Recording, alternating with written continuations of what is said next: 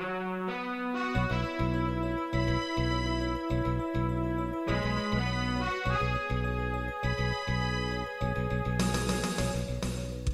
listening to Radio Free Asia.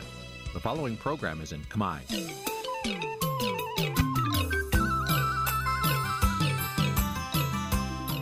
នេះជាកម្មវិធីផ្សាយ Vuthu Azizi Serai នេះជាកម្មវិធីផ្សាយរបស់ Vuthu Azizi Serai ជា ភាសាខ្មែរ Vuthu Azizi Serai សូមស្វាគមន៍លោកអ្នកនាងទាំងអស់ពីរដ្ឋធានី Washington នៃសហរដ្ឋអាមេរិកបាទពីរដ្ឋធានី Washington ខ្ញុំបាទសេកបណ្ឌិតសូមជម្រាបសួរអស់លោកអ្នកកញ្ញាទាំងអស់ជាទីមេត្រី បាទយើងខ្ញុំសូមជូនកម្មវិធីផ្សាយសម្រាប់រាត្រីថ្ងៃពុធ12កើតបាទ12រោចខែកដឹកឆ្នាំឆ្លូវត្រីស័កពុទ្ធសករាជ2565បាទត្រូវនៅថ្ងៃទី1ខែធ្នូគ្រិស្តសករាជ2021 ជាដំបូងនេះសូមអញ្ជើញអស់លោកអ្នកនាងស្ដាប់ព័ត៌មានប្រចាំថ្ងៃដែលមានមេតិការដូចតទៅ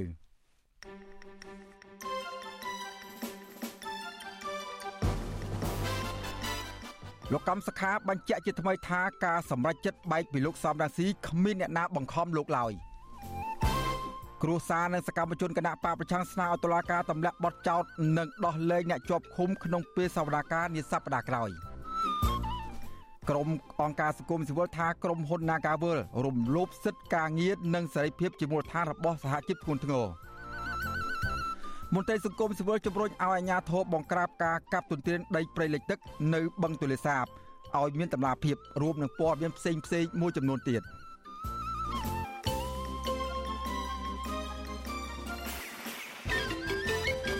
បាទជាបន្តទៅទៀតនេះខ្ញុំបាទសេកបណ្ឌិតសូមជូនព័ត៌មានពិស្ដា បាទលោកនាងកញ្ញាជាទីមេត្រីលោកកំសខាបញ្ជាក់បន្ថែមថា ការប្រកាសថាលោកមិនពាក់ព័ន្ធនឹងលោកសំរងស៊ីគឺជាឆន្ទៈរបស់លោកធ្វើឡើងដោយគ្មានការបង្ខិតបង្ខំឡើយបាទការបញ្ជាក់បែបនេះរបស់លោកកំសខាទំនងជាការឆ្លើយតបទៅដៃគូរបស់លោកគឺលោកសំរងស៊ីដែលបានហាងថាសាររបស់លោកកំសខាធ្វើឡើងដោយការបង្ខិតបង្ខំពីលោកហ៊ុនសែនបាទជុំវិញរឿងនេះ គណៈបកកណ្ដាលអំណាចថាចំនួនរបស់មេដឹកនាំគណៈបកប្រឆាំងកំពុងផ្ដល់ផលចំណេញដល់គណៈបកកណ្ដាលអំណាចបាទពីរដ្ឋធានី Washington លោកទីនសាការីយ៉ារីកាជុំវិញព័ត៌មាននេះលោកកឹមសុខាដែលកំពុងតែកាន់តួនាទីជាប្រធានគណៈបកសង្គ្រោះជាតិនិងជាប់បំរាមតុលាការគ្មានការកំណត់នោះបានបញ្ជាក់នៅតាមបណ្ដាញសង្គម Facebook ជាថ្មីម្ដងទៀតនៅថ្ងៃទី1ធ្នូថាការសម្រេចចិត្តធ្វើអ្វីមួយរបស់លោកគឺគ្មាននរណាបង្ខិតបង្ខំនោះឡើយ លោកកម្មសខាបានសរសេរនៅលើ Facebook Page របស់លោកថាខ្ញុំធ្វើអ្វីដែលខ្ញុំអាចធ្វើទៅបានទៅតាមលទ្ធភាពកលៈទេសៈនិងដោយឆន្ទៈពិតរបស់ខ្ញុំមិនធ្វើតាមអ្នកណាគំរាមបង្ខំខ្ញុំនោះឡើយជាពិសេសអ្វីដែលខ្ញុំបានផ្សព្វផ្សាយនៅក្នុង Page ផ្លូវការរបស់ខ្ញុំសាររបស់លោកកម្មសខានៅពេលនេះគឺជាការបញ្ជាក់បន្ថែមនៅអ្វីដែលលោកទើបតែលើកឡើងកាលពីពេលថ្មីថ្មីនេះថាពេលនេះកម្មសខានិងសំរងស៊ីមិនមែនជាមនុស្សតែមួយទៀតនោះទេ ប៉ុន្តែលោកសំរងស៊ីបានឆ្លើយតបថាសាររបស់លោកកម្មសខានេះធ្វើឡើងដោយការគំរាមកំហែងពីសំណាក់លោកហ៊ុនសែនលោកសំរងស៊ីបន្តថាលោកហ៊ុនសែនភ័យខ្លាចចំពោះឯកភាពនៃអ្នកប្រជាធិបតេយ្យនិងបានចាប់យកលោកកម្មសខាធ្វើជាចំណាប់ខ្មាំងនយោបាយទោះជាយ៉ាងណាកូនស្រីទាំងពីររបស់លោកកម្មសខាគឺកញ្ញាកឹមមនោវិជ្ជានិងកញ្ញាកឹមសមាធិដាបានបញ្ចេញប្រតិកម្មជាភាសាអង់គ្លេសតាមបណ្ដាញសង្គម Twitter គាំទ្រសារនយោបាយរបស់ឪពុកនិងចោទប្រកាន់លោកសំរងស៊ី ថាគ្មានភាពស្មោះត្រង់និងជាដៃគូបោកប្រាស់ជំវិញនឹងករណីនេះអ្នកនាំពាក្យគណៈបកប្រជាជនកម្ពុជាលោកសុកអេសានអះអាងថាគណៈបកប្រជាជនកម្ពុជាឬលោកហ៊ុនសែនមិនបានជាប់ពាក់ព័ន្ធឬបង្ខិតបង្ខំឲ្យលោកកម្មសុខាធ្វើសកម្មភាពវាយប្រហារលោកសំរងស៊ីនោះទេទោះជាយ៉ាងណាលោកទទួលស្គាល់ថាទង្វើរបស់លោកកម្មសុខាពេលនេះកំពុងផ្ដល់ផលចំណេញដល់គណៈបកកាន់អំណាច ចង់ចង់វាមានចំណេញហើយយើងយល់ថាក្នុងការប្រកួតប្រជែងក្នុងរបបប្រជាធិបតេយ្យសេរីវងបកគឺគណៈបកនីមួយៗសិតតែចង់ឲ្យដៃគូរបស់ខ្លួនទៅរុនទៅរាបែកបាក់តែគេមិនធ្វើអបញ្ហាទាំងធ្វើអ្វីដែលខុសច្បាប់ដើម្បីឲ្យភាគីម្ខាងទៀតបែកបាក់ទេដោយឡែកប្រធានប្រតិបត្តិគណៈបកសង្គ្រោះជាតិប្រចាំរាជធានីភ្នំពេញលោកមនផល្លាដែលកំពុងតែភៀសខ្លួននៅក្រៅប្រទេសលើកឡើងថាគណៈបកប្រជាជនកម្ពុជា ហ៊ានធ្វើរឿងគ្រប់យ៉ាងដើម្បីបំបែកបំបាក់គណៈបកប្រឆាំងប៉ុន្តែគណៈបកនេះមិនហ៊ានទទួលស្គាល់នៅទង្វើរបស់ខ្លួនឡើយលោកបន្តថាការគម្រាមកំហែងលោកកម្មសខាពេលនេះដោយសាររដូវកាលយុទ្ធនាការឃោសនាបោះឆ្នោតជាតិមកដល់ដូច្នេះគណៈបកកណ្ដាលអំណាចកំពុងព្យាយាមពុះបំបែកមេដឹកនាំគណៈបកសង្គ្រោះជាតិជាថ្មីថែមទៀតរដូវកាលនៃយុទ្ធនាការឃឃោសនាបោះឆ្នោតចិត្តនឹងមកដល់ដូច្នេះ ហើយដូច្នេះហើយគណៈបព្វជិជនត្រូវតែប្រើនៅយុទ្ធសាស្ត្រនេះអញ្ចឹងហើយបានខ្ញុំយល់ឃើញថាมันឆ្លោះបញ្ចាំងអំពីស្មារតីនៃគោលការណ៍របស់គណៈបកសង្គ្រោះជាតិនោះទេបាទកាលពីថ្ងៃទី28វិច្ឆិកាលោកកឹមសុខាបានបញ្ចេញសារដល់កម្រមួយចោទប្រកាន់ថាលោកសំរងស៊ីនិងសហការីនៅតែបន្តយកឈ្មោះនិងរូបថតរបស់លោកទៅប្រើប្រាស់ភ្ជាប់ជាមួយនឹងសកម្មភាពនានាដែលពុំមានការអនុញ្ញាត ឬគ្រប់គ្រងពីលោក លោកលើកឡើងទៀតថាលោកសំរងស៊ីនិងសហការីបានដើរចេញពីគោលការណ៍និងស្មារតីដើមនៃការរួបរวมដោយទៅបង្កើតចលនានយោបាយនិងមុខតំណែងខ្លួនឯងជាពិសេសការត្រឡប់ទៅគ្រប់គ្រងដោយចំហឬនៅពីក្រោយការដឹកនាំគណៈបកនយោបាយចាស់គឺគណៈបកភ្លឹងទៀនទោះបីជាយ៉ាងនេះក្តីសកម្មជនគណៈបកប្រឆាំងបានសម្ដែងការភ្ញាក់ផ្អើលនៅពេលឃើញសារលោកកម្មសខាបែបនេះពួកគេបានចោទលោកកម្មសខាថាជាមេដឹកនាំគ្មានភាពក្លាហាន ការចោទប្រកាន់នេះក្នុងពេលសកម្មជនគណបកប្រឆាំងមួយចំនួនទៀតកំពុងតែជាប់បំរាមតឡាការដូចគ្នាក៏ប៉ុន្តែពួកគេហ៊ានធ្វើសកម្មភាពនិងបញ្ចេញមតិតាក់ទងនឹងរឿងនយោបាយទោះបីជាយ៉ាងនេះក្តីនៃវិភាគនយោបាយបណ្ឌិតសេនស៊ូរីសង្កេតឃើញថាការព្យាយាមចេញសារម្ដងហើយម្ដងទៀតរបស់លោកកម្មសខាគឺជាការការពារចំហរបស់លោកពីការមិនពាក់ព័ន្ធជាមួយលោកសំរងស៊ីលោកបន្តថាលោកកម្មសខាទំនងជាចង់ប្រាប់ទៅលោកសំរងស៊ី ឲ្យឈប់បង្ហាញពីការអាណិតអាសូរដល់លោកតទៅទៀតដូច្នេះនេះបញ្ជាក់ច្បាស់ណាស់ថា ការបែកគ្នារបស់លោកកឹមសុខានេះគឺអាចនឹងមិនមានការពាក់ព័ន្ធជាមួយនឹងគណៈបកកណ្ដាលអំណាចមានន័យថាការសម្រេចចិត្តបែកគ្នានេះគឺជាការសម្រេចចិត្តដោយខ្លួនឯងបើយើងនិយាយជារួមថាជាការសម្រេចចិត្តដោយផ្ទៃក្នុងគ្រួសារខ្លួនឯងมันមានពាក់ព័ន្ធទៅនឹងការលូកលាន់ពីពីភាគីខាងក្រៅទេបាទ ក្រោយពីការរំលាយគណៈបកសង្គ្រោះជាតិអស់រយៈពេល4ឆ្នាំមកនេះនៅមិនទាន់មានពន្លឺណាមួយថាគណៈបកនេះអាចដំណើរការឡើងវិញបានឡើយទេគណៈលោកនាយរដ្ឋមន្ត្រីហ៊ុនសែនបន្តប្រកាសពីចេតនាតាមកំតិចមេដឹកនាំគណៈបកនេះដល់ទីបញ្ចប់ដើម្បីត្រួសត្រាយផ្លូវដល់កូនចៅរបស់លោកឲ្យងាយស្រួលដឹកនាំប្រទេសគិតរហូតមកដល់ពេលនេះថ្នាក់ដឹកនាំគណៈបកសង្គ្រោះជាតិទាំងអ្នកនិយមលោកសំរងស៊ីនិងអ្នកនិយមលោកកម្មសខាជាង20នាក់ហើយបានសុំសិទ្ធិធ្វើនយោបាយឡើងវិញជាបន្តបន្ទាប់ ដោយមានទាំងបកថ្មី និងអ្នកខ្លះវិលទៅគណៈបកភ្លើងទៀនឡើងវិញខ្ញុំទីនសាការីយ៉ាអសិសរីប្រធានីវ៉ាស៊ីនតោនបាទលោកអ្នកនាងកញ្ញាជាទីមេត្រីពាក់ព័ន្ធនឹងសកម្មជនគណៈបកសង្គ្រោះជាតិឬក៏គណៈបកប្រឆាំងនេះដែរក្រមគ្រួសារនិងសកម្មជនគណៈបកប្រឆាំងស្នើសុំឲ្យតុលាការក្រុងភ្នំពេញទម្លាក់បទចោទប្រកាន់និងដោះលែងអ្នកជាប់ឃុំនយោបាយនៅថ្ងៃសវនាការទ្រង់ទ្រាយធំនៅសប្តាហ៍ក្រោយនេះ បាទមន្ត្រីសិទ្ធិមនុស្សយល់ថាសកម្មជនគណៈបកប្រឆាំងទាំងអស់នឹងត្រូវរួចផុតពីការចោទប្រកាន់ប្រសិនបើស្ថានភាពនយោបាយធូរស្រាលឡើងវិញបាទពីរដ្ឋធានី Washington លោកយុនសាមៀនរាយការណ៍ជំវិញព័ត៌មាននេះសកម្មជនគណៈបកប្រឆាំងនិងក្រុមគ្រួសារលើកឡើងថាតុលាការនឹងដោះលែងអ្នកជាប់ឃុំនយោបាយព្រមទាំងលើកលែងការចោទប្រកាន់លើថ្នាក់ដឹកនាំនិងសកម្មជនគណៈបកប្រឆាំងទាំងអស់ នៅថ្ងៃសវនាការទ្រង់ទ្រីធំនៅថ្ងៃទី7ខែធ្នូខាងមុខនេះប្រសិនបើតុលាការឯករាជ្យនឹងមិនស្ថិតក្រោមអធិបុលនយោបាយសកម្មជនគណៈបកសង្គ្រោះជាតិលោកភួងថាថ្លែងថាតុលាការមិនបានបញ្ជូនដោយការកោះហៅដល់ដៃឬកន្លែងស្នាក់នៅរបស់លោកនោះទេប៉ុន្តែលោកបានឃើញឈ្មោះរបស់លោកនៅក្នុងដីកាកោះហៅរួមដែលសមត្ថកិច្ចបិទនៅមុខទីស្នាក់ការគណៈបកសង្គ្រោះជាតិ លោកនឹងទៅចូលរួមបំភ្លឺនៅសវនាការសំណុំរឿងរួមគំនិតក្បត់និងញុះញង់នៅថ្ងៃទី7ខែធ្នូដើម្បីបង្ហាញពីភាពស្អាតស្អំរបស់លោក ខ្ញុំនឹងចូល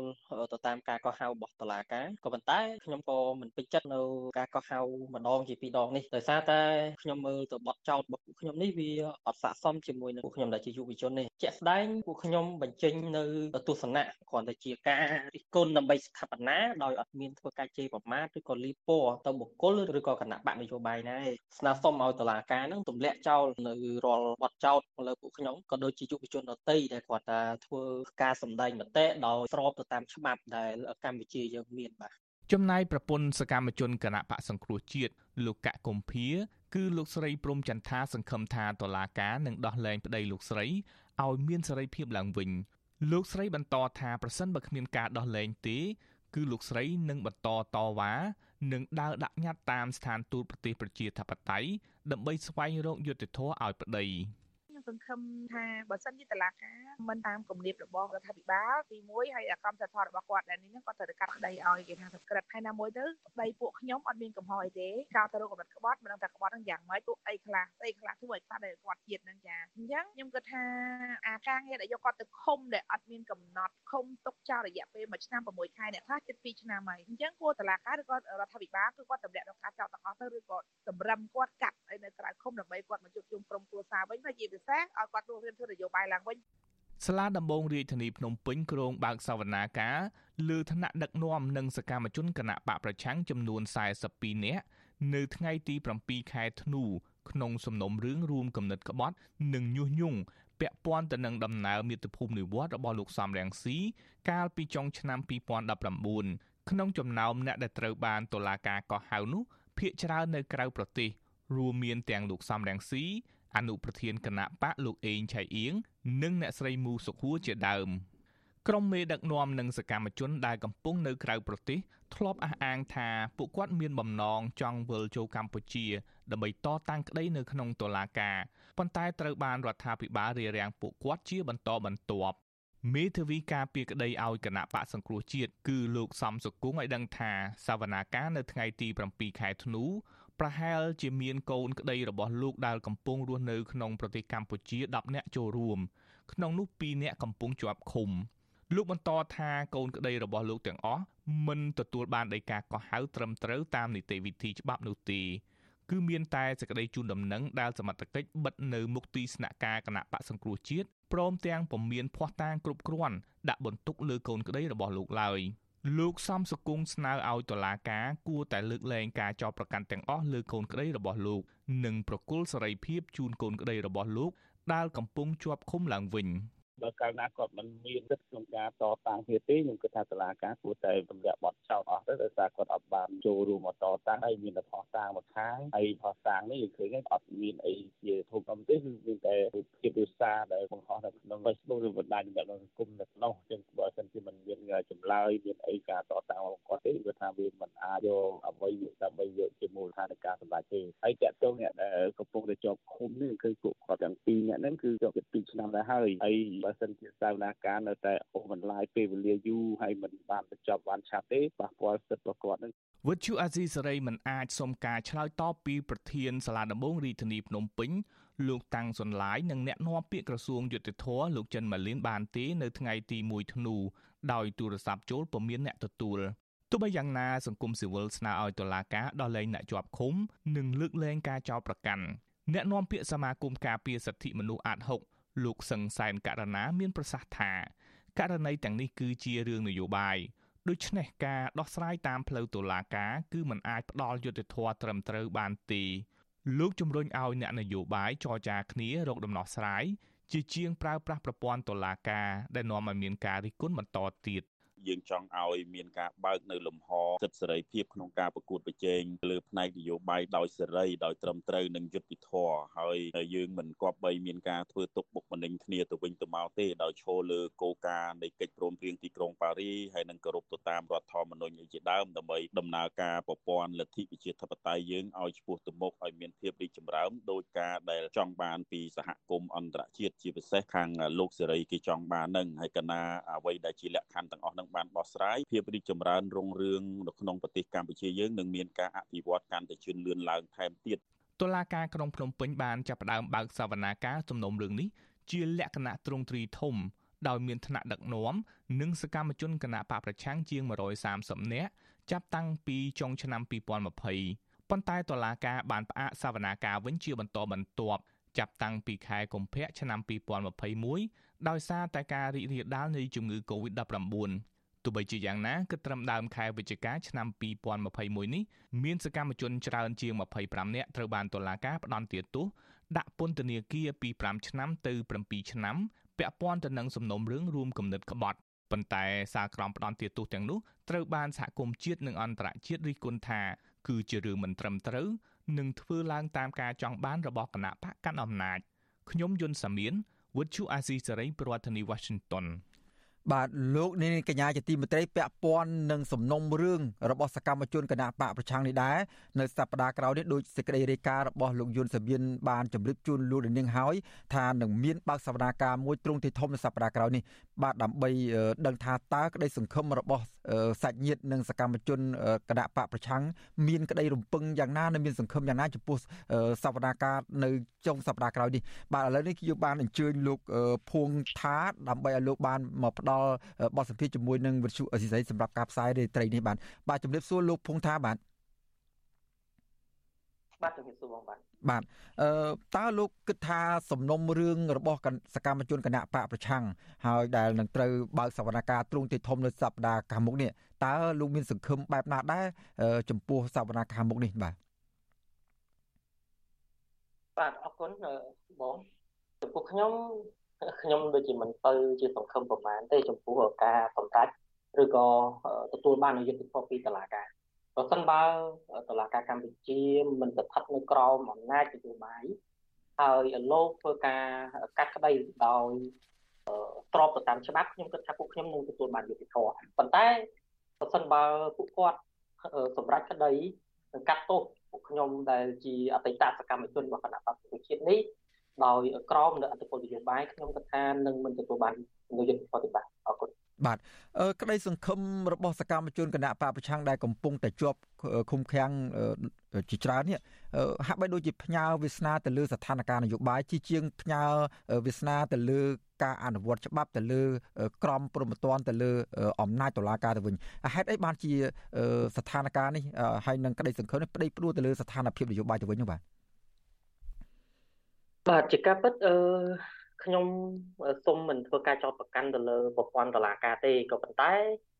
អ្វីដែលពួកខ្ញុំបានតាមដាននៅកន្លងមកនោះគឺនៅពេលដែលស្ថានភាពនយោបាយមានការធូរស្រាលបាទតុលាការក៏មានការលើកលែងទោសក៏ដូចជាសម្រាលនៅសកម្មភាពមួយចំនួនឬក៏បទចោទមួយចំនួនទៅលើសកម្មជននយោបាយសកម្មជនបរិស្ថានជាដើមដូច្នេះ ពួកខ្ញុំដែលជាអតីតសកម្មជនរបស់គណៈបកសង្គ្រោះជាតិពួកខ្ញុំសង្ឃឹមថាក្នុងកលៈទេសៈបែបនេះតឡាការក៏ដូចជាអ្នកនយោបាយមួយចំនួននឹងមិនរឹតបន្តឹងទៅលើសកម្មជនបរិស្ថានសកម្មជននយោបាយទេបាទបាទបើសិនជាយើងមើលស្ថានភាពចុងក្រោយនេះឃើញថាជាបន្តបន្តប្រមាណក្នុងខែកន្លងទៅនេះឃើញមានដោះលែងទាំងសកម្មជនបរិស្ថានសកម្មជនគណៈបកនយោបាយមួយចំនួន ក៏ប៉ុន្តែ នៅ សកម្មជននយោបាយមួយចំនួនទៀតនៅច្រើនអ្នកនៅឡើយដែលកំពុងជាប់ឃុំនេះហើយសប្តាហ៍ក្រោយនេះនឹងមានបើកសវនាការទូលទេធំមួយមានប្រមាណជា40នាក់ឯនោះអឺលោកបានថាมันមានក្តីសង្ឃឹមទេ ចំពោះការទទួលបានយុត្តិធម៌ក៏ប៉ុន្តែ អឺ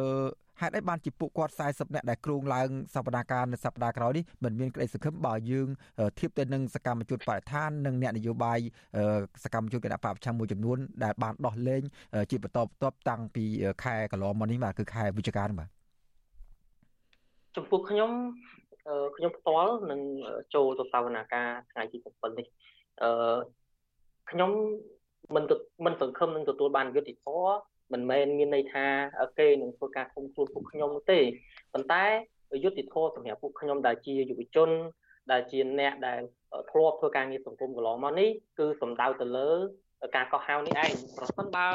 តុលាការផ្ដល់យុទ្ធធម៌ជូនពួកខ្ញុំតុលាការគួរតែទម្លាក់ចោលរាល់បទចោទប្រកាន់ទាំងអស់ហើយ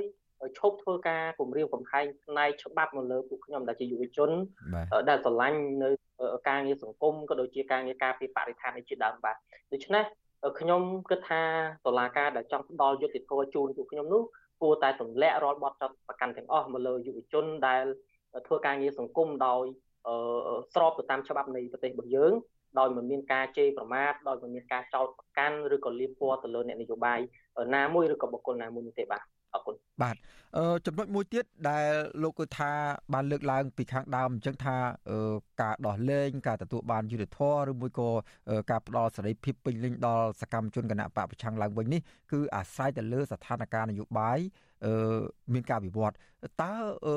ស្ថានភាពនយោបាយបែបណាដែលគិតថានឹងធូរស្រាលហើយឈានទៅដល់ការលើកលែងការចោទប្រកាន់ដោះលែងសកម្មជនគណៈបកប្រឆាំងឲ្យមានសេរីភាពមកវិញនោះបាទ បើតាមខ្ញុំមើលបច្ចុប្បន្នមិនថាខ្ញុំខ្ញុំសូមនិយាយទៅពាក់ព័ន្ធជាមួយនឹងនយោបាយបន្តិចបើសិនបើប្រទេសមួយដែលគោរពនៅតាមគោលការណ៍ប្រជាធិបតេយ្យប្រទេសនោះគួរតែដោះលែងនៅសកម្មជននយោបាយឬក៏សកម្មជនបរិស្ថានដែលគាត់ធ្វើការងារបម្រើសង្គមដោយមិនបានធ្វើការជេរប្រមាថឬក៏ចោទប្រកាន់ឬក៏ញុះញង់ឲ្យមាន ប្រព្រឹត្តនៅបទល្មើសអីជាក់ស្ដែងជាដើមហើយចំពោះស្ថានភាពដែលខ្ញុំមើលនៅពេលនេះគឺពេលនេះគឺសំស្របសម្រាប់អ្នកនយោបាយក៏ដូចជាតុលាការគួរតែទម្លាក់រាល់ចោតចោតប្រកាន់ទាំងអស់មកលើពួកខ្ញុំដែលជាយុវជននេះពីព្រោះដោយសារតែយើងក៏គៀកប្រជុំអាស៊ានមែនទែនហើយគៀកបោះឆ្នោតហើយគួរតែស្ដារស្ថានភាពនយោបាយគួរតែទម្លាក់ ចោលនៅបទចោតប្រកាន់ទាំងអស់មកលើពួកខ្ញុំតែជាយុវជនដោយគ្រាន់តែធ្វើការស្ថាបនាដើម្បីសំទោសដែលធ្វើការរិះគន់ដើម្បីស្ថាបនាតែប៉ុណ្ណោះបាទអរគុណបាទបើសិនជាការដោះលែងនេះមិនផ្អែកទៅលើច្បាប់ផ្អែកទៅលើរដ្ឋធម្មនុញ្ញផ្អែកទៅលើសិទ្ធិសេរីភាពរបស់ប្រជាពលរដ្ឋដោយគ្រាន់តែផ្អែកទៅលើស្ថានភាពនយោបាយនៅពេលនេះអឺចង់រដ្ឋាភិបាលចង់ឲ្យស្ថានភាពនយោបាយមានភាពល្អប្រសើរដោយសារតែរដ្ឋាភិបាលត្រូវធ្វើជាប្រធានអាស៊ាននៅឆ្នាំនេះផង ហើយគៀកនឹងការបោះឆ្នោតទាំងពីរព្រឹត្តិការណ៍ធំធំគឺការបោះឆ្នោតជ្រើសរើសក្រុមប្រឹក្សាឃុំសង្កាត់នៅឆ្នាំ2022និងឆ្នាំ2023គឺការបោះឆ្នោតជ្រើសតាំងតំណាងរាស្ត្រអញ្ចឹងបើសិនជាការដោះលែងនេះធ្វើឡើងដោយមិនផ្អែកទៅលើច្បាប់ទៅលើភាពយុត្តិធម៌នោះការដោះលែងដើម្បីសង្គ្រោះស្ថានភាពឬក៏ស្ដារស្ថានភាពបែបនេះនៅក្រៅស្ថានភាពនឹងបានបញ្ចប់សកម្មជនគណៈបកប្រឆាំងដែលតែងតែបញ្ចេញមតិ ប្រើសិទ្ធិសេរីភាពរបស់ខ្លួនក្នុងការរិះគន់ទៅលើរដ្ឋាភិបាលនោះនឹងត្រូវគេចោទប្រកាន់និងត្រូវគេចាប់ដាក់ពន្ធនាគារទៀតតើអាឆន្ទៈនៃការចូលរួមក្នុងការបញ្ចេញមតិនិងការជួយស្ថាបនាជាតិដើម្បីកសាងប្រទេសឲ្យមានសិទ្ធិមនុស្សនិងប្រជាធិបតេយ្យនឹងនឹងមានចំហររឹងមាំឬមួយក៏អាចដំណើរការទៅបានទេមើលទៅបាទចំពោះខ្ញុំខ្ញុំនៅតែរក្សាចំហនៃការចូលរួមជាមួយនឹងសកម្មភាពនយោបាយក៏ដូចជាការងារសង្គមបើទោះបី មានការគម្រាមកំហែងបន្តិចក៏ពិតមែនក៏ប៉ុន្តែពួកខ្ញុំនៅតែធ្វើការងារសង្គមចូលរួមជាមួយនឹងសកម្មភាពនយោបាយដែលដែលទទួលបានការអនុញ្ញាតពីច្បាប់នៃប្រទេសរបស់យើងដោយផ្អែកទៅលើសំទោសដោយដោយគោរពទៅលើក្រមសីលធម៌ហើយយើងយើងធ្វើហ្នឹងគឺដើម្បីបម្រើសង្គមតែប៉ុណ្ណោះហើយយើងមិនបានទៅធ្វើការញុះញង់ឬក៏ប្រមាថឬក៏ចោទប្រកាន់ទៅលើអ្នកនយោបាយណាមួយនោះទេ ពួកខ្ញុំជាយុវជនពួកខ្ញុំនៅតែរក្សាជំហរថានឹងបន្តការងារសង្គមនឹងចូលរួមនៅសកម្មភាពនយោបាយជាបន្តទៀតបាទបាទចុងក្រោយនេះតើលោកមានពាក្យពេចន៍អ្វីដើម្បីផ្ដាំផ្ញើទៅដល់លោកអ្នកស្ដាប់ឬមួយក៏ទៅដល់បញ្ហាសង្គមនានាជាពិសេសទៅដល់សកម្មជនគណៈបកប្រឆាំងទាំងអស់នៅមុនពេលដែលសវនាការទ្រង់ទេធំនឹងចូលមកដល់នៅសប្តាហ៍ក្រោយនេះបាទបាទអរគុណអឺ ជាសំណុំពររបស់ខ្ញុំអឺខ្ញុំសូមសំណុំពរទៅដល់តុលាការកម្ពុជា លោកគួរតែធ្វើការអឺដោយឆន្ទៈរបស់លោកដោយគោរពទៅតាមច្បាប់ដែលបានកំណត់ជាឆន្ទានុសិទ្ធិក្នុងការសម្រេចរបស់ពួកគាត់កុំឲ្យពួកគាត់ធ្វើការទៅផិតទៅក្រោមអធិបុលនយោបាយខ្ញុំក៏បានសំណូមពរទៅយុវជនដតីសូមឲ្យពួកគាត់មានស្មារតីរឹងមាំ និងចូលរួមតបស្នើចំពោះយុវជនដែលកំពុងតែជាប់ឃុំនិងមិនទាន់បានទទួលនូវយុត្តិធម៌ពេញលេញពីសំណាក់អាជ្ញាធរកម្ពុជាបាទបាទសូមអរគុណលោកភុងថាដែលបានចំណាយពេលវេលាផ្ដល់បទសភាជាមួយនឹងវិទ្យុអេស៊ីសីក្នុងរយៈនេះបាទជំរាបតែប៉ុណ្្នឹងសិនបាទបាទបាទអរគុណជំរាបលាបាទ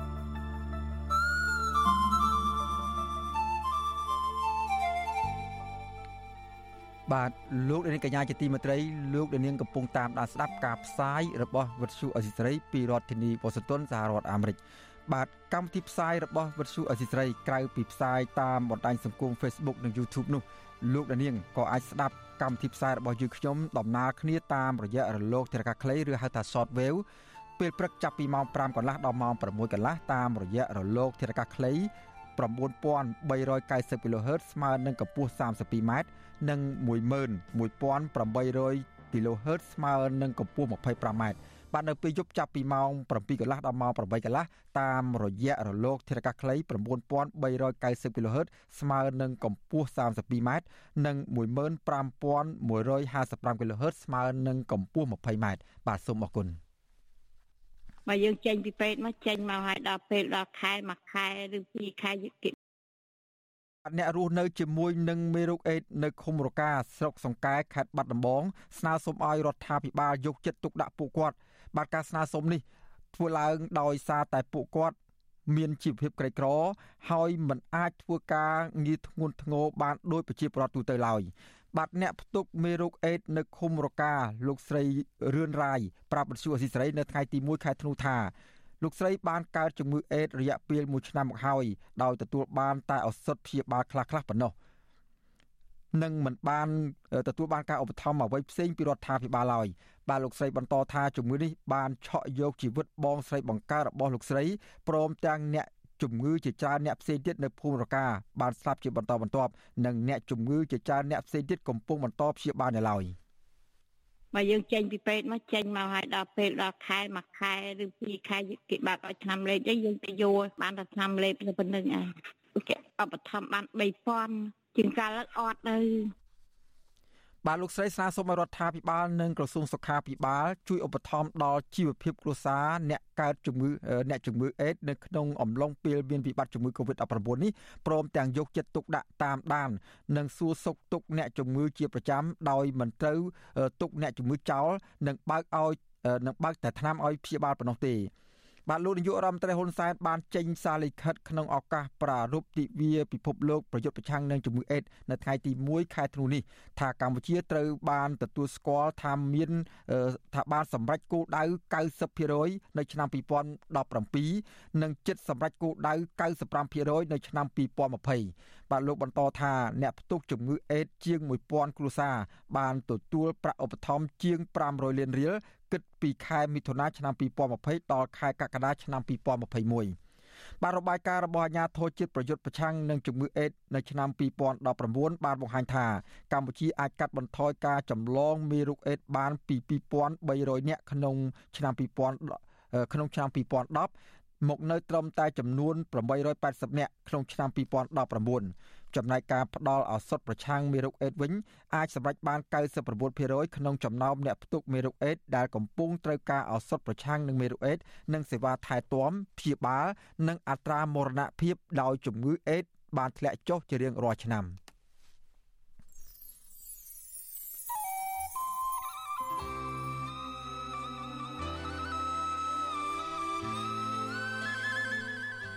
បាទលោកដានីកញ្ញាជាទីមេត្រីពាក់ព័ន្ធនឹងស្ថានភាពជំងឺអេដដែរនៅក្នុងទិវាពិភពលោកប្រយុទ្ធប្រឆាំងនឹងជំងឺអេដមួយធ្នូនេះរដ្ឋាភិបាលប្រកាសថាកំពុងទប់ស្កាត់ការឆ្លងរាលដាលនៃជំងឺអេដយ៉ាងមានប្រសិទ្ធភាពបាទអាជ្ញាធរជាតិប៉ាន់ប្រមាណថាមានអ្នករស់នៅជាមួយនឹងជំងឺអេដនិងជំងឺអេដនិងអ្នកជំងឺអេដជាង70000នាក់ក្នុងពេលបច្ចុប្បន្នបាទស្ថិតនៅក្នុងស្ថានភាពបច្ចុប្បន្ននេះ តើអ្នករស់នៅជាមួយនឹងជំងឺអេដនិងជំងឺអេដត្រូវការអ្វីខ្លះជាពិសេសក្នុងអំឡុងពេលពួកគេជួបវិបត្តិបន្ថែមមួយទៀតគឺវិបត្តិជំងឺ Covid-19 នោះហើយថាតើរដ្ឋាភិបាលអាជ្ញាធរពាក់ព័ន្ធនិងសង្គមស៊ីវិលផ្ដល់ការគ្រប់គ្រងសេវាថែទាំសុខភាពនិងសង្គមជូនដល់ពួកគាត់យ៉ាងណាដែរបាទសូមអញ្ជើញអស់លោករនាង រងចាំស្ដាប់បទសម្ភាសជុំវិញបញ្ហានេះ ជាមួយនឹងមន្ត្រីអង្គការសង្គមស៊ីវិលនិងតំណាងអ្នករស់នៅជាមួយនឹងជំងឺអេដនិងជំងឺអេដនៅពេលបន្តិចទៀតនេះបាទសូមអរគុណបាទលោកនាងកញ្ញាជាទីមេត្រីពាក់ព័ន្ធនឹងស្ថានភាពជំងឺ Covid-19 វិញម្ដងបាទអ្នកស្លាប់ដោយសារជំងឺ Covid-19 បានកើនឡើងដល់2944នាក់ក្រោយពីអ្នកជំងឺចំនួន4នាក់បានស្លាប់ក្នុងនោះ មាន2នាក់មិនបានចាក់វ៉ាក់សាំង បាទចំណែកករណីឆ្លងថ្មីវិញក្រសួងសុខាភិបាលប្រកាសថាមានចំនួន26នាក់ដែលជាលទ្ធផលបញ្ជាក់ដោយម៉ាស៊ីនពិសោធន៍ PCR គិតត្រឹមព្រឹកថ្ងៃទី1ខែធ្នូកម្ពុជាមានអ្នកកើតជំងឺ Covid-19 ជាង120,000នាក់ក្នុងនោះអ្នកជាសះស្បើយមានជាង116,000នាក់ បាទដោយឡែកក្រសួងអប់រំនៅថ្ងៃទី1ខែធ្នូនេះបានអនុញ្ញាតឲ្យបើកដំណើរការឡើងវិញនៅសាលាមត្តេយ្យសិក្សា និងសេវាថែទាំកុមារសម្រាប់កុមារអាយុចាប់ពី5ឆ្នាំឡើងទៅ ទាំងរដ្ឋនិងឯកជនបាទក្រសួងអប់រំបញ្ជាក់ថាគ្រឹះស្ថានបឋមសិក្សាមធ្យមសិក្សា និងឧត្តមសិក្សាភាគច្រើនបានដំណើរការឡើងវិញដោយរលូននិងពុំមានហេតុការណ៍អ្វីកើតឡើងគួរឲ្យកត់សម្គាល់នោះទេ បាទយើងមិនទាន់ទៅដល់ឆ្ងាយអំពីស្ថានភាពជំងឺ Covid-19 នេះទេបាទអឺពាក់ព័ន្ធនឹងស្ថានជំងឺពាក់ព័ន្ធនឹងស្ថានភាពជំងឺ Covid-19 នេះដែរពិភពលោកកំពុងតែព្រួយបារម្ភអំពីការរីករាលដាលលឿននៃមេរោគបំផ្លែងថ្មីមួយប្រភេទទៀតឈ្មោះ Omicron ដែលមកទល់នឹងពេលនេះមេរោគនេះបានរាលដាលដល់ប្រទេសចំនួន20បន្ថែមទៀតហើយបាទតើមេរោគបំផ្លែងថ្មីនេះបង្កគ្រោះថ្នាក់យ៉ាងណាខ្លះ ហើយកម្ពុជាត្រៀមខ្លួនរួចហើយឬនៅស្របពេលដែលរដ្ឋាភិបាលប្រកាសបើកប្រទេសឡើងវិញលើគ្រប់វិស័យយ៉ាងដូច្នោះបាទសូមលោកនាងរងចាំស្ដាប់អឺសេចក្តីរាយការណ៍ផ្ទាល់របស់លោកមូលរ៉េតដែលលោកនឹងឡើងមកជម្រាបនៃការវិវត្តថ្មីថ្មីនៃជំងឺ Covid-19 បំលែងខ្លួនថ្មីនេះនាពេលបន្តិចទៀតនេះបាទសូមអរគុណ បាទលោកនាងកញ្ញាជាទីមេត្រីក្រុមអង្គការសង្គមស៊ីវិលដែលធ្វើការងារផ្នែកសិទ្ធិមនុស្សនិងសិទ្ធិការងារចំនួន25ស្ថាប័នបង្ហាញការសោកស្ដាយចំពោះក្រុមហ៊ុនបនលបែង Nagavel ដែលរំដែលរំដែលរំលាយថ្នាក់ដឹកនាំសហជីពនិងបញ្ឈប់បុគ្គលិកជាង1300នាក់តាមគម្រោងការរបស់ខ្លួនក្នុងពេលមានវិបត្តិជំងឺ Covid-19 បាទក្រុមអង្គការសង្គមស៊ីវិលទាំងនេះចាត់ទុកទង្វើរបស់ក្រុមហ៊ុននេះថាជាការរំលោភសិទ្ធិការងារនិងសេរីភាពជាមូលដ្ឋានរបស់សហជីពធ្ងន់ធ្ងរបាទពីរដ្ឋធានីវ៉ាស៊ីនតោនលោកជីវិតារាយការណ៍ជុំវិញព័ត៌មាននេះជុំវិញវិវាទការងាររវាងសហជីពជាមួយក្រុមហ៊ុនបនលបែងដ៏ធំមួយនៅចំកណ្ដាលទីក្រុងភ្នំពេញដែលអូសបន្លាយជាង7ខែមកនេះខាងក្រុមហ៊ុន Nagaworld បានឈានដល់ការរំលាយចោលក្រុមតំណាងសហជីពពេញសិទ្ធិ26នាក់ ក្រោយពីក្រុមហ៊ុនបានបញ្ឈប់បុគ្គលិកជាង1300នាក់ដែលភាគច្រើនជាសមាជិករបស់សហជីពដោយទូទាត់ប្រាក់សំណងឲ្យពួកគេមិនត្រឹមត្រូវតាមច្បាប់ស្តីពីការងាររបស់ប្រទេសកម្ពុជាក្រុមអង្គការសង្គមស៊ីវិលរកឃើញថាការសម្រេចបញ្ឈប់ឋានៈដឹកនាំសហជីពនេះភាគីក្រុមហ៊ុនគឺធ្វើដោយឯកតោភាគីដោយមិនមានលិខិតបញ្ជាក់ឯកភាពជាផ្លូវការណាមួយចេញពីមន្ទីរអធិការកិច្ចការងារនៃក្រសួងការងារឡើយ។ អ្នកគ្រប់គ្រងកម្មវិធីសិទ្ធិការងារនៃអង្គការសង្ត្រាល់លោកខុនថារ៉ូមានប្រសាសន៍ថាទង្វើរបស់ក្រុមហ៊ុន Nagaworld នេះឆ្លុះបញ្ចាំងឲ្យឃើញពីបំណងពិតប្រាកដរបស់ក្រុមហ៊ុន គឺចង់លុបបំបាត់សម្លេងសហជីពចេញពីកន្លែងធ្វើការដោយមិនខ្វល់ពីច្បាប់ជាតិឬច្បាប់អន្តរជាតិដែលចែងគាំពៀឋានៈដឹកនាំសហជីពក្នុងការអនុវត្តការងារដោយគ្មានកំហុសនោះទេ លោកបន្តថាប្រសិនបើក្រសួងការងារមិនគិតគូរដោះស្រាយវិវាទនេះសមស្របទៅតាមច្បាប់នោះទេ បញ្ហាការងារនៅក្នុងក្រុមហ៊ុន Nagavel នឹងក្លាយជាគំរូអាក្រក់ដល់ថៅកែក្រុមហ៊ុនផ្សេងផ្សេងទៀតក្នុងប្រទេសកម្ពុជាយកគំរូតាម ដែលធ្វើឲ្យកម្មករនិយោជិករងអំពើអយុត្តិធម៌កាន់តែច្រើនឡើង ដែលនឹងធ្វើឲ្យប៉ះពាល់ដល់មុខមាត់របស់រដ្ឋាភិបាលលើឆាកអន្តរជាតិថែមទៀត មន្ត្រីផ្នែកច្បាប់រូបនេះស្នើសុំក្រសួងការងារពន្លឿនការដោះស្រាយបញ្ចប់វិវាទការងារនេះឲ្យបានឆាប់តាមតែអាចធ្វើទៅបាន ដោយឈលលើគោលការណ៍ច្បាប់និងយុត្តិធម៌អញ្ចឹងរដ្ឋមន្ត្រីត្រូវតែត្រូវមានចំណាត់ការតាមដានពិនិត្យឡើងវិញហើយសាររឿងអំពីនីតិវិធីនិងការអនុវត្តរបស់អធិការកិច្ចនៃក្រសួងការងារនឹងឡើងវិញហើយរឿងទី2 នៅក្នុងករណីដែលភាគីគាត់ការຕົកមិនសុខចិត្តអាហ្នឹងក្រសួងហ្នឹងត្រូវដើរតួនាទីនៅក្នុងការធ្វើការសម្របសម្រួលសម្របសម្រួលដើម្បីឲ្យភាគីទាំងសងខាងហ្នឹងគាត់ចូលតុកចរចាទៅហើយគាត់ធ្វើសម្បទានគ្នាទៅណាគាត់អាចរកដំណោះស្រាយទៅដើម្បីឲ្យវាមាននៅការចរចាមួយដែលប្រកបដោយមានភាពស្មោះត្រង់ហើយអាហ្នឹងហើយដែលជាគោលការណ៍នៃការលើកកម្ពស់នៅតំណែងតំណងវិជ្ជាជីវៈនៅកន្លែងការងារចំណែកប្រធានសហជីពត្រួតត្រងសិទ្ធិការងារបុគ្គលិកកម្មករខ្មែរនៃក្រុមហ៊ុន Nagaworld កញ្ញាឈឹមស៊ីធឲ្យដឹងថាអស់រយៈពេលជាង7ខែមកនេះខាងសហជីពបានប្រឹងប្រែងព្យាយាមរកដំណោះស្រាយជាមួយក្រុមហ៊ុន ទាំងនៅក្រសួងការងារទាំងក្រមប្រឹក្សាអាជ្ញាកណ្ដាល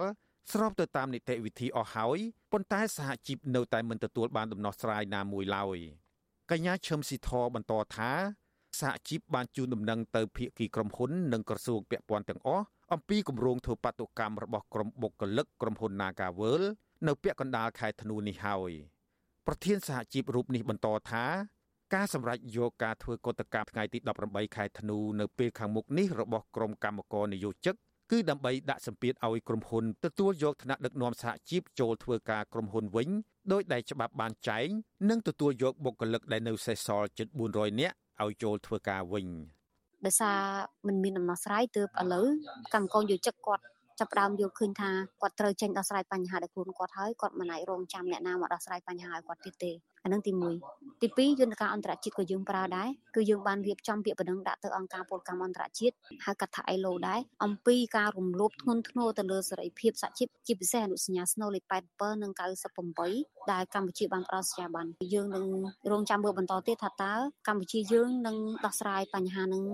យ៉ាងដូចម្តេចជាមួយនឹងអន្តរជាតិហើយ Nagavel នឹងដោះស្រាយបញ្ហានឹងយ៉ាងម៉េចទៀតនៅពេលដែលបុគ្គលិកចេញធ្វើកោតកម្ម អាស៊ីសេរីមិនអាចសុំការឆ្លើយតបរឿងនេះពីប្រធានប្រតិបត្តិបុគ្គលិករបស់ក្រុមហ៊ុន Nagavel លោកម៉ៃងៃ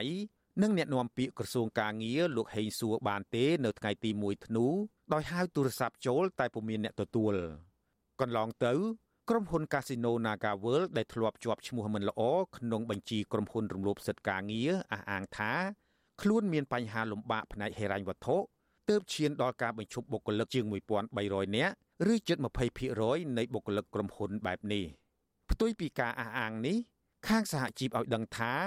ក្រុមហ៊ុន Nagavel នៅតែអាចរកបានប្រាក់ចំណូលជាង900លានដុល្លារហើយចំណេញបានជាង100លានដុល្លារក្នុងឆ្នាំ2020កន្លងទៅនិងកំពុងចំណាយលុយសាងសង់អគារ Nagavel 3ថែមទៀតនៅខណៈដែលប្រទេសកម្ពុជាជួបវិបត្តិនៃជំងឺ Covid-19 សហជីពថាការអះអាងរបស់ក្រុមហ៊ុនបែបនោះ គឺជារឿងមិនសមហេតុផល និងមិនអាចទទួលយកបានក្រុមសហជីពយល់ថាការបញ្ឈប់បុគ្គលិកជាសមាជិកសហជីពនិងមេដឹកនាំសហជីពដែរនោះគឺជាការរើសអើងនិងមិនចង់ឲ្យមានវត្តមានសហជីពនៅក្នុងក្រុមហ៊ុនតទៅទៀតព្រោះធ្វើឲ្យបុគ្គលិកទទួលបានផលប្រយោជន៍ការងារច្រើនពីក្រុមហ៊ុនគិតមកដល់ពេលនេះសហជីពឲ្យដឹងថានៅសល់បុគ្គលិកជិត400នាក់ក្នុងចំណោម1300នាក់មិនព្រមទទួលយកសំណងពីក្រុមហ៊ុនឡើយ ដោយសារតែការទូទាត់សំណងនោះមិនត្រឹមត្រូវតាមច្បាប់ស្តីពីការងារ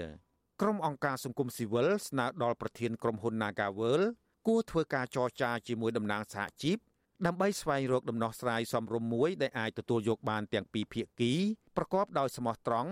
និងបញ្ឈប់រាល់ការរើសអើងនិងការធ្វើទុកបុកម្នេញទៅលើសហជីពខ្ញុំជីវិតាអាស៊ីសេរី បាទលោកនាងកញ្ញាជាទីមេត្រីលោកនាងកំពុងតាមដានស្ដាប់ការផ្សាយរបស់វិទ្យុអសីសេរីពីរដ្ឋធានីវ៉ាស៊ីនតោនសហរដ្ឋអាមេរិកបាទក្រៅពីការតាមដានស្ដាប់កម្មវិធីផ្សាយរបស់វិទ្យុអសីសេរីតាមបណ្ដាញសង្គម Facebook YouTube Telegram លោកនាងក៏អាចតាមដានស្ដាប់ការផ្សាយរបស់យើងខ្ញុំតាមរយៈបណ្ដាញសង្គម Instagram របស់វិទ្យុអសីសេរីតាមរយៈតំណភ្ជាប់ www.instagram.com/rfa ខ្មែរបាទវិទ្យុអសីសេរី បន្តខិតខំផ្សព្វផ្សាយព័ត៌មានពិតទៅកាន់បងប្អូនអស់លោកនាង តាមបណ្ដាញសង្គមផ្សេងផ្សេងនិងសម្បូរបែបដើម្បីឲ្យអស់លោកនាងងាយស្រួលតាមដានស្រាប់ការផ្សាយរបស់យើងខ្ញុំបានគ្រប់ពេលវេលានិងគ្រប់ទីកន្លែងតាមរយៈទូរស័ព្ទដៃរបស់អស់លោកនាង បាទសូមអរគុណ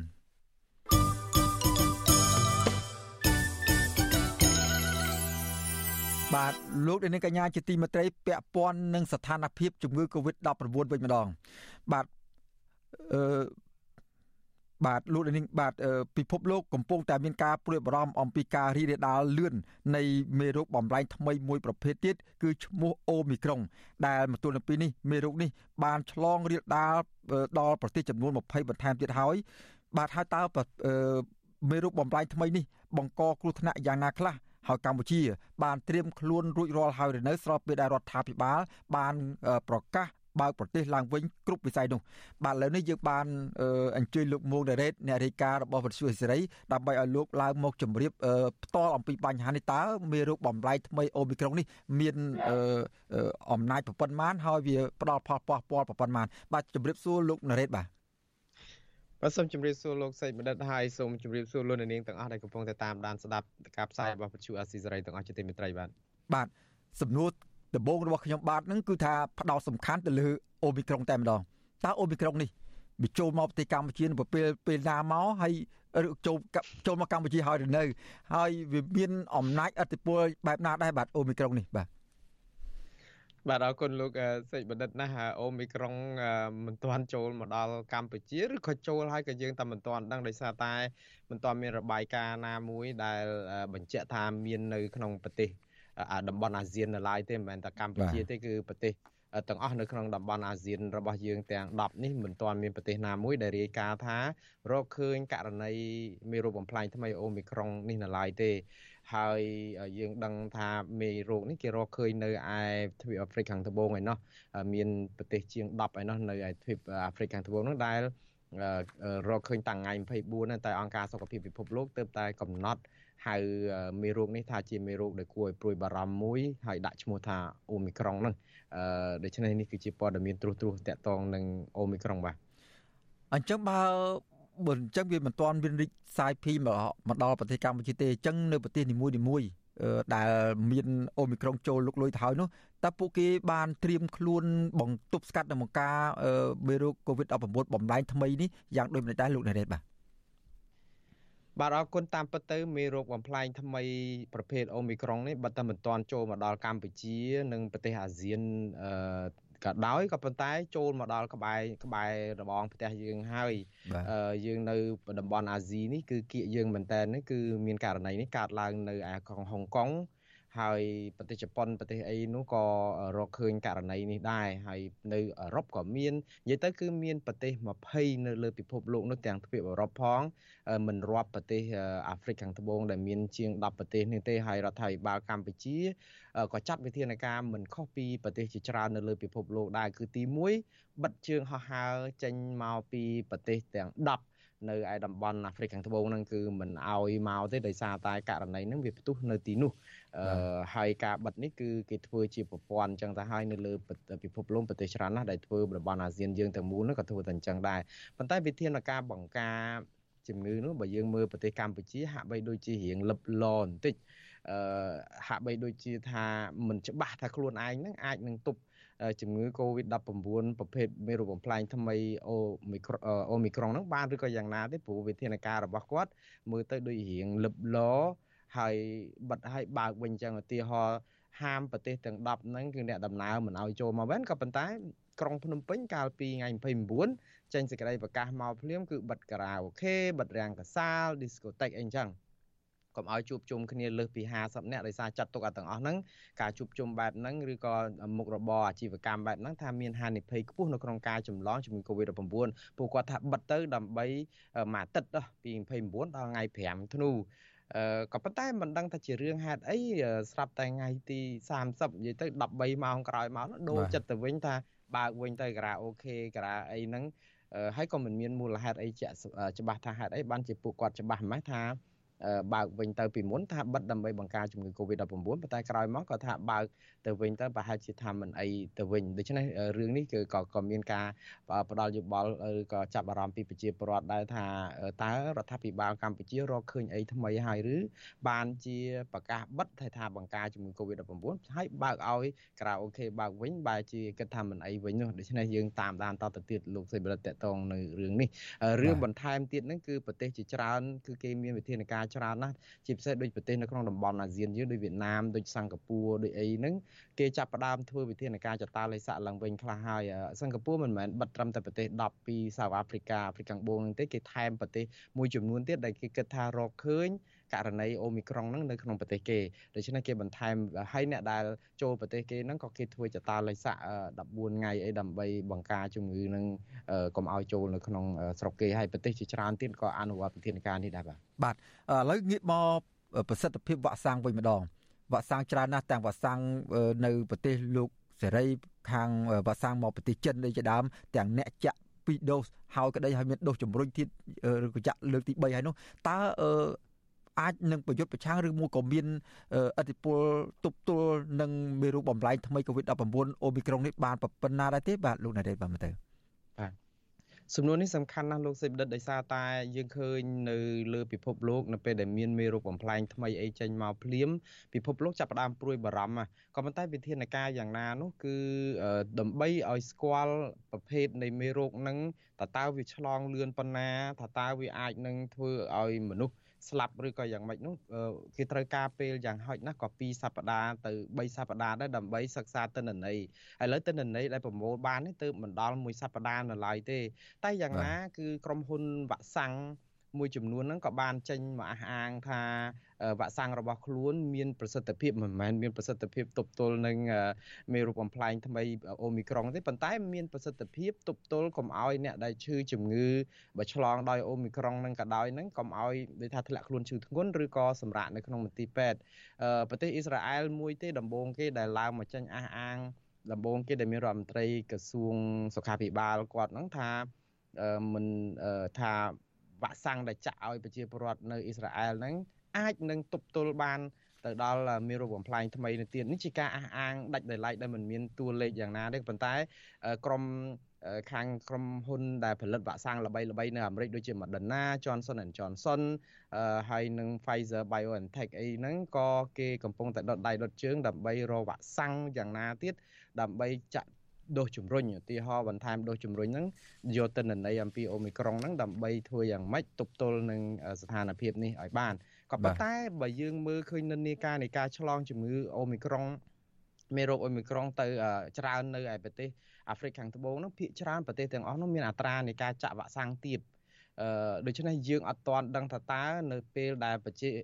ប្រទេសដែលមានចាក់វ៉ាក់សាំងបានច្រើននោះវានឹងឆ្លងលឿនដូចនៅ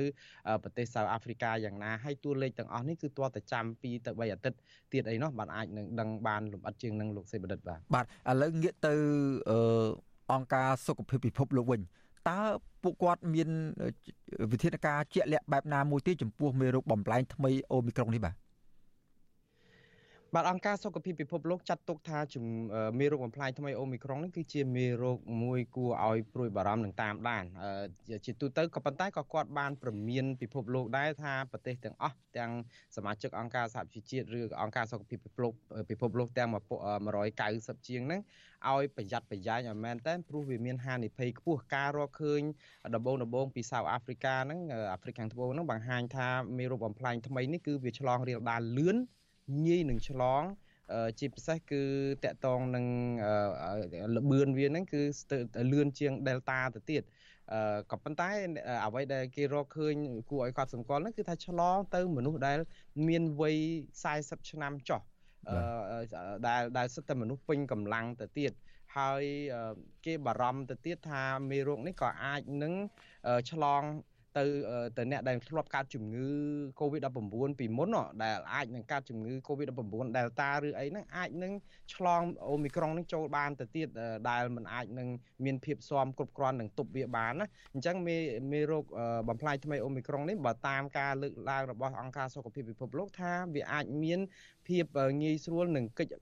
ផុតពីប្រព័ន្ធភាពស៊ាំនៅក្នុងខ្លួនយើងដែលចាប់វាអត់បាន ដែលធ្វើឲ្យវានឹងអាចជ្រាបចូលបានដូច្នេះនេះគឺជាជាការបារម្ភរបស់អង្គការសុខភាពពិភពលោកឲ្យប្រទេសនីមួយៗហ្នឹងរកវិធានការទប់ស្កាត់របស់ខ្លួនឲ្យខាងតែបានដើម្បីកុំឲ្យរឿងនេះក្លាយទៅជាការរាតត្បាតសកលមួយដ៏ពិបាកទប់ទល់ដោយតែលើកមុនទៀតនោះបាទបាទសូមអគុណលោកណារ៉េតយើងនឹងតាមដានស្ថានភាពនេះបន្តទៀតតើអូមីក្រុងនេះនឹងវិវត្តធ្វើឲ្យមានផលប៉ះពាល់ទៅដល់ស្ថានភាពនៅ លើពិភពលោកនិងនៅប្រទេសតំបន់អាស៊ានយ៉ាងដូចម្តេចខ្លះនៅពេលខាងមុខទៀតនោះបាទឥឡូវសូមជម្រាបលាលោកណារ៉េតតែប៉ុណ្ណេះសិនបាទបាទអរគុណមកសិនជម្រាបលាបាទលោកនាងកញ្ញាជាទីមេត្រីនៅក្នុងទិវាពិភពលោកប្រយុទ្ធប្រឆាំងនឹងជំងឺអេដនៅថ្ងៃទី1ខែធ្នូនេះរដ្ឋាភិបាលបានប្រកាសថាកំពុងទប់ស្កាត់ការឆ្លងរាលដាលនៃជំងឺ Covid ការឆ្លងរាលដាលនៃជំងឺអេដយ៉ាងមានប្រសិទ្ធភាពបាទអាជ្ញាធរជាតិបានប្រមាណថាអ្នកដែលរស់នៅជាមួយជំងឺអេដនិងជំងឺអេដជាង70000នាក់ក្នុងពេលបច្ចុប្បន្នបាទស្ថិតនៅក្នុងស្ថានភាពបច្ចុប្បន្ននេះតើអ្នករស់នៅជាមួយនឹងជំងឺអេដនិងជំងឺអេដត្រូវការអ្វីខ្លះហើយជាពិសេសនៅក្នុងអំឡុងពេលពួកគាត់កំពុងជួបបន្ថែមទៀតនៅជំងឺនៅវិបត្តិជំងឺ Covid-19 នោះហើយតើរដ្ឋាភិបាល អាជ្ញាធរពាក់ព័ន្ធនិងសង្គមស៊ីវិលផ្ដល់ការគ្រប់គ្រងសេវាសុខភាពនិងសង្គមជូនពួកគាត់យ៉ាងណាដែរបាទសូមលោកនាងរងចាំស្ដាប់បទសម្ភាសជាមួយនឹងអ្នករស់នៅជាមួយនឹងជំងឺអេដនិងអង្គការសង្គមស៊ីវិលដែលធ្វើការងារផ្នែកឃ្លាំមើលអ្នកកើតអ្នករស់នៅជាមួយនឹងនេះហ្នឹងសូមលោកនាងរងចាំស្ដាប់បទសម្ភាសជុំវិញបញ្ហានេះនាពេលបន្តិចនេះបាទសូមអរគុណបាទពាក់ព័ន្ធនឹងអ្នករស់នៅជាមួយជាមួយនឹងជំងឺអេដនេះដែរ ទិវាពិភពលោកប្រយុទ្ធប្រឆាំងនឹងជំងឺអេដនៅថ្ងៃទី1ខែធ្នូនេះគឺជាពេលវេលាមួយដែលប្រជាពលរដ្ឋនៅក្នុងពិភពលោករំលឹកដល់អ្នកបាត់បង់ជីវិតផ្សព្វផ្សាយអប់រំដល់ប្រជាពលរដ្ឋគ្រប់រូបអំពីវិធានការមួយចំនួន ដើម្បីទប់ស្កាត់និងការពារការឆ្លងជំងឺអេដព្រមទាំងវិធីថែទាំសុខភាពជាដើម បាទកម្ពុជាប្រារព្ធទិវាអេដពិភពលោកថ្ងៃទី1ខែធ្នូឆ្នាំ2021នេះក្រោមប្រធានបទបញ្ចប់វិសមភាព បញ្ចប់អេដនិងបញ្ចប់ការឆ្លងរាតត្បាតជាសកលបាទតើរយៈពេល30ឆ្នាំមកនេះកម្ពុជាសម្រេចបានគោលដៅអ្វីខ្លះដើម្បីទប់ស្កាត់ការឆ្លងរាលដាលនៃជំងឺអេដនេះបាទសូមស្ដាប់សេចក្តីរាយការណ៍ពិស្ដាររបស់អ្នកស្រីម៉ៅសុធីនីជុំវិញបញ្ហានេះដូចតទៅ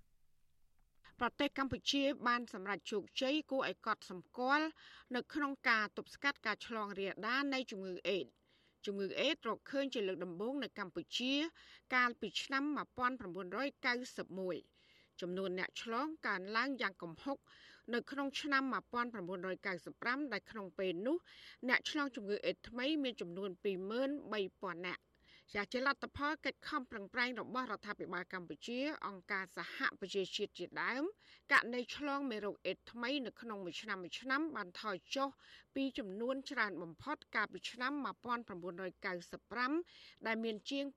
23,000នាក់នោះ មកនៅត្រឹមមិនដល់1,000នាក់ក្នុងឆ្នាំ2016អង្គការសហប្រជាជាតិបានកំណត់យកឆ្នាំ2030ជាឆ្នាំត្រូវបញ្ចប់ជំងឺអេដឲ្យអស់នៅក្នុងពិភពលោក ចំណែករដ្ឋាភិបាលកម្ពុជាវិញបដិញ្ញាបញ្ចប់ការឆ្លងជំងឺអេដត្រឹមឆ្នាំ2025ខាងមុខចារហូតមកដល់ពេលនេះប្រទេសកម្ពុជា បានសម្រេចគោលដៅ90 90 90ហើយកំពុងឈានដល់គោលដៅ95 95 95នៅឆ្នាំ2025ខាងមុខ កម្មវិធីរួមគ្នារបស់អាជ្ញាធរជាតិប្រយុទ្ធនឹងជំងឺអេដនិងអង្គការសហប្រជាជាតិស្តីពីជំងឺអេដបានកំណត់គោលដៅ90 90 90ដែលនេះមានន័យថា90%នៃអ្នកផ្ទុកមេរោគអេដយល់ដឹងពីស្ថានភាពមេរោគអេដរបស់ពួកគេ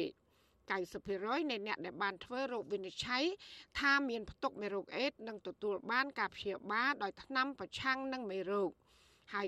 90%នៃអ្នកទទួលបានការព្យាបាលដោយប្រើថ្នាំប្រឆាំងវីរុសនិងទទួលបានជោគជ័យក្នុងការបង្ក្រាបវីរុសនិងពន្យាជីវិតនាយកប្រតិបត្តិអង្គការខណាលោកជួបសុកចម្រើន មានប្រសាសន៍ប្រាប់បច្ចុប្បន្នស៊ីសេរីថាអង្គការរបស់លោកសហការជាមួយនឹងអាជ្ញាធរជាតិប្រយុទ្ធជំងឺអេដបន្តផ្សព្វផ្សាយពីសារៈសំខាន់នៃការការពារការឆ្លងជាពិសេសគឺស្ត្រីរកស៊ីផ្លូវភេទនិងមនុស្សស្រឡាញ់ភេទដូចគ្នាជាដើម ជារួមបើយើងមើលទៅលើការខិតខំកន្លងទៅនេះទោះបីកូវីដក្នុងរយៈពេល2ឆ្នាំនេះសកម្មភាពនៃការប្រយុទ្ធជំងឺអេដការគ្រប់គ្រងជំងឺអេដមិនថមថយទេយើងនៅតែបន្តធ្វើដូចទីហោដោយអង្គការខណាជាមួយដៃគូអញ្ចឹងក្នុងរយៈពេល10ខែនេះបន្តអប់រំមានមធ្យោបាយច្រើននេះអប់រំពីចម្ងាយជាពិសេសតាមរយៈប្រព័ន្ធបណ្ដាញសង្គមក្នុងរយៈពេល10ខែហ្នឹងយើងបានជួបក្រុមគោលដៅជាង40000នាក់ បាទជាស្ត្រីបម្រើសេវាកំសាន្តបាទជាបរោះគុំពេទ្យមួយបរោះហើយនឹងជាអ្នកក្រុមអ្នកអំប្លែងពេទ្យជាង40000នាក់របាយការណ៍របស់អាជ្ញាធរជាតិប្រយុទ្ធនឹងជំងឺអេដបានបង្ហាញថាអត្រាផ្ទុកមេរោគអេដក្នុងចំណោមមនុស្សពេញវ័យដែលមានអាយុចាប់ពី15ឆ្នាំដល់49ឆ្នាំ បានថយចុះពីចំនួនប្រមាណ72000នាក់នៅឆ្នាំ2010មកនៅត្រឹមប្រមាណ780នាក់នៅឆ្នាំ2019 ក្នុងនោះអត្រាអ្នកផ្ទុកមេរោគអេដក្នុងចំណោមអ្នកបម្រើសេវាកំសាន្តគឺ3.2%អ្នកប្រើគ្រឿងញៀន7.6%អ្នកចាក់គ្រឿងញៀនមានជាង15%បរោះរួមភេទជាមួយបរោះមាន4%និងអ្នកបដូរភេទមានជិត10% ចំណែកចំនួនអ្នកស្លាប់ដោយសារជំងឺអេដវិញក៏បានថយចុះពីប្រមាណ2300នាក់នៅឆ្នាំ2010មកនៅត្រឹមប្រមាណ1300នាក់នៅក្នុងឆ្នាំ2019របាយការណ៍បន្តថាក្នុងឆ្នាំ2019អ្នកកាត់ជំងឺអេដទូទាំងប្រទេសសរុបមាន ជាង73000នាក់ចំណែកអ្នកទទួលបានថ្នាំព្យាបាលវិញគឺមានទ្រព្យជាង62000នាក់ ចាស្ត្រីផ្ទុកមេរោគអេដម្នាក់នៅភូមិរកាខេត្តបាត់ដំបងដែលមានកូនតូចតូច3នាក់ក្នុងបន្ទុក កំពុងប្រឈមបញ្ហាសុខភាពទ្រុឌទ្រោមកាន់តែខ្លាំងឡើងខ្លាំងឡើងដោយសារតែគ្មានអាហារហូបចុកគ្រប់គ្រាន់សូម្បីតែទឹកដោះគោសម្រាប់កូនតូចតូចក៏គ្មាននោះដែរលោកស្រីយ៉ងសតុមអាយុជាង30ឆ្នាំត្អូញត្អែថាក្រុមគ្រួសាររបស់លោកស្រី កំពុងខ្វះខាតរបៀងអាហារជាខ្លាំងចាប់តាំងតែមានការរាតត្បាតនៃជំងឺ Covid-19 មក លោកស្រីបន្តថាប្តីរបស់លោកស្រីខំស្វាស្វែងទៅរកស៊ីឈ្នួលលីសែងឲ្យគេនឹងពេលខ្លះធ្វើការសំណង់គ្រាន់តែបានប្រាក់ចំណូលដោះទាល់បន្តិចបន្តួចពីមួយថ្ងៃទៅមួយថ្ងៃប៉ុន្តែប្រហែលខែចុងក្រោយនេះគឺគ្មានការងារធ្វើនោះទេចាខ្ញុំរស់នៅធម្មតាប៉ុន្តែយើងជួនកាលមានហូបជួនកាលអត់ហូបហើយខ្ញុំពិបាកចិត្តឬអត់មានអីហូបហ្នឹងហើយខ្ញុំមានគិះដៃស្បូនអីចឹងហើយនឹង គិះដោះគិះអីចឹងយើងតស៊ូដើម្បីកូនធ្វើម៉េចយើងបើវាជ្រុលចឹងហើយយើងមិនបានត្រូវស៊ីឆ្ងាយគេគឺវេទនីខ្ញុំសូមឲ្យអ្នកអឺស្ដាប់ទាំងអស់គ្នាជួយខ្ញុំផងខ្ញុំអត់ធ្វើម៉េចខ្ញុំនឹងត្រូវស៊ីអីទេហើយសុខភាពខ្ញុំក៏មិនដូចគេដែរព្រោះខ្ញុំមានរោគច្រើនណាស់មិនមានរោគតែមួយហ្នឹងទេសូមឲ្យអ្នកស្ដាប់នឹងជួយខ្ញុំផង កាលពីចុងឆ្នាំ2014មានករណីផ្ទុះការឆ្លងមេរោគអេដខ្លាំងនៅក្នុងឃុំរកាស្រុកសង្កែខេត្តបាត់ដំបង ដែលមានសរុបជាង325នាក់ក្នុងនោះគឺមានកុមារចំនួន68នាក់ដែលបានឆ្លងជំងឺអេដតាមរយៈការចាក់ថ្នាំព្យាបាលជំងឺពីគ្រូពេទ្យឈ្មោះយ៉ែមជ្រិនដែលបានប្រើប្រាស់មជ្ឈចាក់ថ្នាំរួមគ្នា ក្នុងអំឡុងពីឆ្នាំ1996ដល់ឆ្នាំ2014 រហូតមកដល់ថ្ងៃ30ខែវិច្ឆិកានេះចំនួនអ្នកស្លាប់ដោយសារជំងឺអេដនៅឃុំរកាបានកើនឡើងដល់48អ្នកហើយក្នុងចំណោមអ្នកឆ្លងសរុបចំនួន325អ្នកពាក់ព័ន្ធនឹងការប្រពៃទិវាពិភពលោកជំងឺអេដមួយធ្នូនេះប្រធានអង្គការខាណាលោកជួបសុកចម្រើនឲ្យដឹងផងដែរថាដោយសារតែការរាតត្បាត នៃជំងឺ Covid-19 អង្គការរបស់លោកមិនបានជួបប្រជុំគ្នាដោយផ្ទាល់នោះទេ ប៉ុន្តែនឹងផ្សព្វផ្សាយការយល់ដឹងបន្ថែម តាមរយៈប្រព័ន្ធអនឡាញចែករំលែកបទពិសោធន៍ដល់អ្នកជំងឺអេដពីវិធីមួយចំនួនដើម្បីទប់ស្កាត់ការឆ្លងនិងការថែទាំសុខភាពព្រមទាំងការផ្សព្វផ្សាយពិសារបស់ប្រមុខរដ្ឋាភិបាលនិងមន្ត្រីសង្គមស៊ីវិលជាដើមតែកន្លងទៅនេះយើងបានធ្វើហើយយើងនឹងបន្តធ្វើអញ្ចឹងយុទ្ធនាការមួយធ្នូនេះវា ជាធម្មតាវាជាទិវាមួយដែលក្រើនរំលឹកឲ្យយល់ដឹងពីរឿងបញ្ហាអេដហ្នឹងនៅជាបញ្ហាធំនៅបញ្ហាចម្បងរបស់ពិភពលោកក៏ហើយទេហើយទិសដៅពិភពលោកគឺឈ្មោះទៅរកការបញ្ចប់អេដឲ្យបាននៅឆ្នាំ2030ហើយនៅកម្ពុជាយើងគឺកម្ពុជាបានដាក់គោលដៅរួចហើយគឺបញ្ចប់ការរាតត្បាតជំងឺអេដឲ្យបាននៅឆ្នាំ2025តាមរយៈការសម្រេចគោលដៅ95នឹង3នឹង95ទី1 95ទី2 95ទី3នឹង ទិវាពិភពលោកប្រយុទ្ធប្រឆាំងនឹងជំងឺអេដត្រូវបានប្រពធ្វើឡើងជាលើកដំបូងក្នុងឆ្នាំ1988ជារៀងរាល់ឆ្នាំអង្គការនិងបរដ្ឋទាំងអស់នៅទូទាំងពិភពលោកយកចិត្តទុកដាក់លើការរាលដាលនៃមេរោគអេដខិតខំបង្កើនការយល់ដឹងអំពីមេរោគអេដយុទ្ធនាការប្រឆាំងការរើសអើងដល់អ្នកកើតអេដ ព្រមទាំងអំពាវនាវឲ្យមានការឆ្លើយតបប្រកបដោយប្រសិទ្ធភាព ដើម្បីឈានទៅរកការបញ្ចប់ការរាតត្បាតនៃជំងឺអេដចំណែករដ្ឋាភិបាលកម្ពុជាវិញក៏បានបដិញ្ញាបន្តកិច្ចសហការយ៉ាងជិតស្និទ្ធជាមួយដៃគូទាំងអស់រួមមានប្រទេសផ្ដល់ជំនួយ អង្គការអន្តរជាតិមានជាអាចអង្គការសុខភាពពិភពលោកកម្មវិធីរួមអង្គការសហប្រជាជាតិទទួលបន្ទុកការងារអេដ មូលនិធិសកល និងអង្គការក្រៅរដ្ឋាភិបាលជាតិនិងអន្តរជាតិដែលបានចូលរួមយ៉ាងសកម្មក្នុងការទប់ស្កាត់ការរីករាលដាលនៃជំងឺអេដនៅកម្ពុជាចាក់ក្រុមវិជ្ជបណ្ឌិតផ្ដល់ដំបូន្មានថាដើម្បីការពារការឆ្លងមេរោគអេដត្រូវធ្វើតេស្តរោគមេរោគអេដនៅពេលរួមភេទត្រូវប្រើស្រោមអនាម័យហាមប្រើមជុលចាក់ថ្នាំរួមគ្នា ឬក៏ប្រើមជុលចាក់ឡើងវិញ កាត់បន្ថយដៃគូស្នេហាច្រើន ហាមប៉ះពាល់ឈាមអ្នកកើតជំងឺអេដនិងបំបៅដល់កូនជាមួយស្ត្រីកើតអេដជាដើមចាននាងខ្ញុំម៉ៃសុធានីវិទ្យុអាស៊ីសេរីប្រធានាធិបតី Washington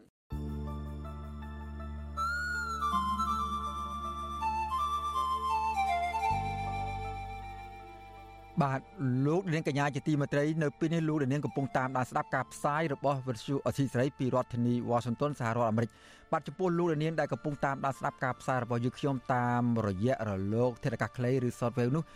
នឹងមិនលឺយើងខ្ញុំបន្តទៀតទេក៏ប៉ុន្តែលោកនាងដែលកំពុងតាមដានស្ដាប់ការផ្សាយរបស់យើងខ្ញុំតាមរយៈបណ្ដាញសង្គមមាន Facebook និង YouTube នោះលោកនាងនៅតែបន្តតាមដានស្ដាប់និងទស្សនាការផ្សាយរបស់យើងបានជាបន្តទៅទៀតបាទហើយនៅក្នុងការផ្សាយជាបន្តទៀតនេះយើងនឹងមានបទសម្ភាសន៍មួយដោយផ្ដោតទៅលើថាតើអ្នកកើត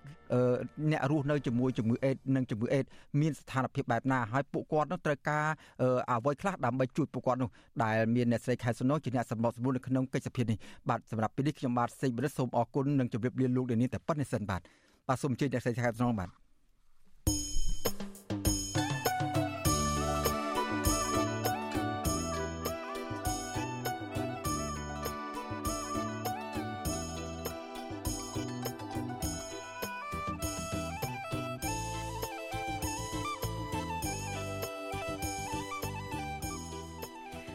នាងកញ្ញាជាទីមេត្រីចានាងខ្ញុំខែសុណងសូមជម្រាបសួរលោកនាងកញ្ញា